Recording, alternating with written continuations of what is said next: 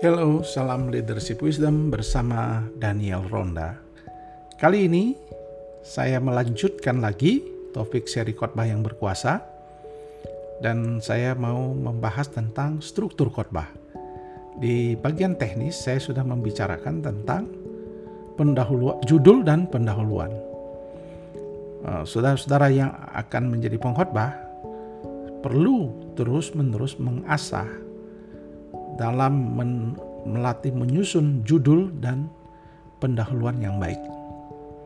Dan itu serius. Dan sekarang kita akan tiba di topik yang selanjutnya yaitu setelah kita menyampaikan judul dan pendahuluan maka kita membahas struktur daripada khotbah yang berbicara tentang isi daripada khotbah.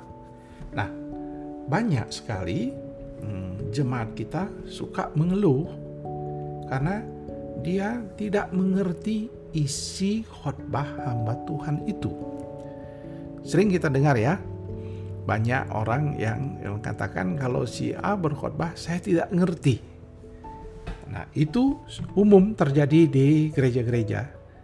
Tidak dimengerti khotbahnya. Nah, saudara harus mencari tahu. Kalau sampai Anda yang dimaksudkan khotbah saudara tidak dimengerti, maka saudara harus mencari tahu. Kalau perlu, saudara datang kepada coach atau pelatih atau mentor bertanya, "Mengapa khotbah saya tidak dimengerti dan harus jujur?" Nah, ini yang sering terjadi. Anda hamba Tuhan yang tidak uh, menarik dan tidak dimengerti khotbahnya, tetapi dia tidak berani dan tidak mau mengevaluasi dan dia tutup mata terhadap hal itu. Dan akhirnya dia menjadi orang yang mungkin terluka karena uh, dia dikritik khotbahnya misalnya. Bukannya dia berterima kasih kepada kritikan tetapi justru dia menjadi defensif. Dan itu tidak tidak akan menolong bagi para gembala ya atau pemimpin yang uh, diberi uh, kesempatan untuk khotbah. Memang termasuk saya orang yang bukan oh, ahli pidato, ahli retorika dan khotbah-khotbah saya tentu um, hal yang tidak langsung menjadi sesuatu yang baik, perlu improvement ya, perlu pelatihan terus-menerus dan sampai hari ini pun sekalipun saya sudah menjadi pengajar dalam homiletika, saya masih belajar terus tentang khotbah. Jadi sekarang masalahnya di mana? Uh, masalah khotbah itu seorang itu tidak menarik. Karena khotbahnya tidak terstruktur dengan baik. Jadi kita harus memiliki struktur yaitu saya selalu mengatakan struktur itu ada tiga. Bagian awal, bagian tengah dan bagian akhir ya. Sehingga saudara-saudara harus mulai dengan mengangkat isu masalah, amanat teks, amanat khotbah dan meng, bagaimana mengaplikasikannya. Dengan kata lain, bahasa penuturannya pun harus mengikuti logika awal, ada yang awal, tengah dan akhir. Sehingga uh, waktu dia membangun argumen terlihat jelas dan terlihat teratur jadi kita perlu memiliki struktur khotbah yang baik dan teknik bahasa penuturan yang baik. Jadi ada dua isu, yaitu struktur kita susun, tetapi struktur itu juga harus diisi oleh kalimat-kalimat, kata-kata, bahasa-bahasa yang baik. Nah, bagaimana menyusun struktur yang baik? Langkah pertama adalah khotbah yang tersusun baik harus jelas urutannya ya. Saya ulang lagi harus tiga urutannya. Ada bagian awalnya ada bagian isinya ada bagian kesimpulannya ya. Sehingga ketiganya itu penting disusun dengan baik. Jadi bagian awal kita bicara tentang apa pergumulan, apa masalah, lalu dibahas bagaimana Tuhan menyelesaikan masalah itu lihat firman-Nya dan bagaimana penerapannya. Jadi kita sudah harus uh, tahu mana yang bagian awal, tengah dan akhir.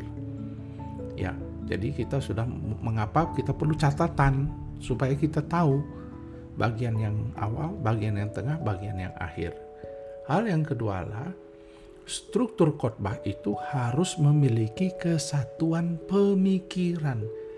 Uh, Hayden Robinson mengatakan harus ada big idea, ide yang jelas dalam pikir apa sebenarnya yang hendak saudara mau sampaikan. Misalnya di dalam masa pandemi ini tentang misalnya kekhawatiran. Kalau kita berkhotbah kekhawatiran, maka kita memastikan dari awal, pertengahan kita akhir hanya ada fokus tentang bagaimana apa permasalahan kekhawatiran, bagaimana Tuhan berbicara tentang kekhawatiran, apa kata Tuhan tentang kekhawatiran dan bagaimana kita menerapkan supaya kita tidak khawatir dalam kehidupan kita. Jadi kita menyusunnya dengan satu tema saja yaitu tentang hanya kekhawatiran, tidak tambahkan yang lain lagi. Banyak pengkhotbah tergoda untuk bicara uh, hal ilustrasi ya, ya, cerita lagi ke tempat lain, cerita lagi tentang uh, masalah keluarganya, masalah pergumulannya, masalah tantangannya, uh, masalah uh, kehidupan dan tidak ada hubungan dengan tema kekhawatiran. Akhirnya orang bingung. Ini teks bicara tentang kekhawatiran yang dibahas lain, yang diceritakan lain, ditambah-tambah, ataupun nanti dia kembali tapi sudah banyak cerita tentang kemarahan, dendam, tidak baca firman, tidak berdoa, padahal benang merahnya adalah kekhawatiran. Nah, itu yang akhirnya temanya terlalu luas dan dan terlalu apa buah pikirannya terlalu banyak. Misalnya tidak ada pengampunan. Loh kenapa? Ini kan bicara kekhawatiran. Kenapa bahas pengampunan? Mungkin dia mendengar ada masalah dalam jemaat. Dia ingin langsung memasukkan semuanya. Ya nanti dibahas secara khusus pesan Tuhan itu. Jangan di dalam teks yang kita bahas. Jadi terlalu banyak ide, tidak ada kesatuan pikiran menyebabkan struktur khotbah jadi amburadul ya. Ide amburadul. Jadi tolong perhatikan ini strukturnya harus jelas, yaitu ada big idea atau pikiran satu pikiran yang jelas dari awal pendahuluan sampai kepada penerapan. Jelas ide itu.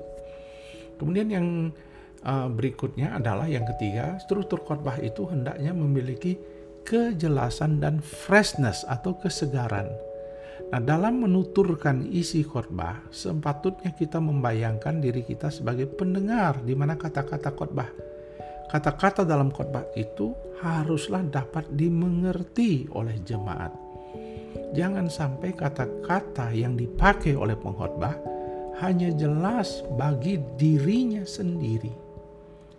Ya, ada banyak uh, yang sibuk menguraikan khotbah dengan menggunakan bahasa Ibrani dan Yunani. Saya tidak keberatan menggunakan bahasa asli. Tetapi tugas kita pengkhotbah memastikan bahwa bahasa Ibrani yang kita gunakan itu dan kita sampaikan itu telah diterjemahkan atau dijelaskan secara lebih populer dan lebih jelas kepada kekinian. Mengapa kita harus memakai bahasa asli? Dan mengapa itu disampaikan. Karena khotbah itu bertujuan membuat kata-kata kita menjadi jelas, bukan rumit. Ya, jadi Yesus juga memakai bahasa ordinary, bahasa sederhana, agar pendengar mengerti.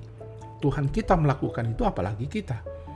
Jadi kita harus membeli kata-kata yang sederhana tapi freshness, segar, ya Kesegaran itu dapat dilakukan dengan misalnya membuat pertanyaan retorika. Sehingga jemaat tidak hanya bosan dengan uh, informasi, tetapi ditantang dengan pertanyaan, tidak, usah menjawab. Dibuatkan itu sehingga dia ada kesegaran dalam teknik menyampaikan khotbah. Yang langkah yang keempat isinya menarik. Jadi kata yang menarik misalnya uh, dalam memilih kata-kata tidak hanya harus bersifat informasi. Seperti yang saya katakan tadi, jemaat tidak jangan dibutuh oh, tidak butuh terus dijejali informasi apalagi di zaman digital seperti ini. Ya, tidak perlu semata-mata dia tidak perlu hanya dijelaskan informasi. Tapi kalim kita harus memilih kalimat-kalimat yang bisa menyentuh perasaan dia. Kalimat-kalimat persuasif ya. Membuat pendengar yakin apa yang kita katakan. Bahasa yang kita harus adalah bahasa emosi yang menyentuh perasaannya. Jadi jadi kita pakai bahasa-bahasa cerita, ilustrasi, persuasif, menyentuh emosi, bukan hanya sekedar informasi saja. Cerita yang dapat yang didapat dari diri, hal-hal aktual di sekitar kita narasikan sehingga dia memiliki emosi, bahasa itu memiliki emosi. Akhirnya peran pengkhotbah dibayangkan kalau saudara menjadi pengkhotbah, strukturnya sudah harus jelas tapi dalam saudara menyusunnya hendaklah saudara membuat diri saudara seorang ahli debat, ahli cerita, seorang guru, seorang yang yang di dalam khotbah itu harus ada argumen pembuktian, membuat logika-logika, tetapi juga yang menyentuh perasaannya.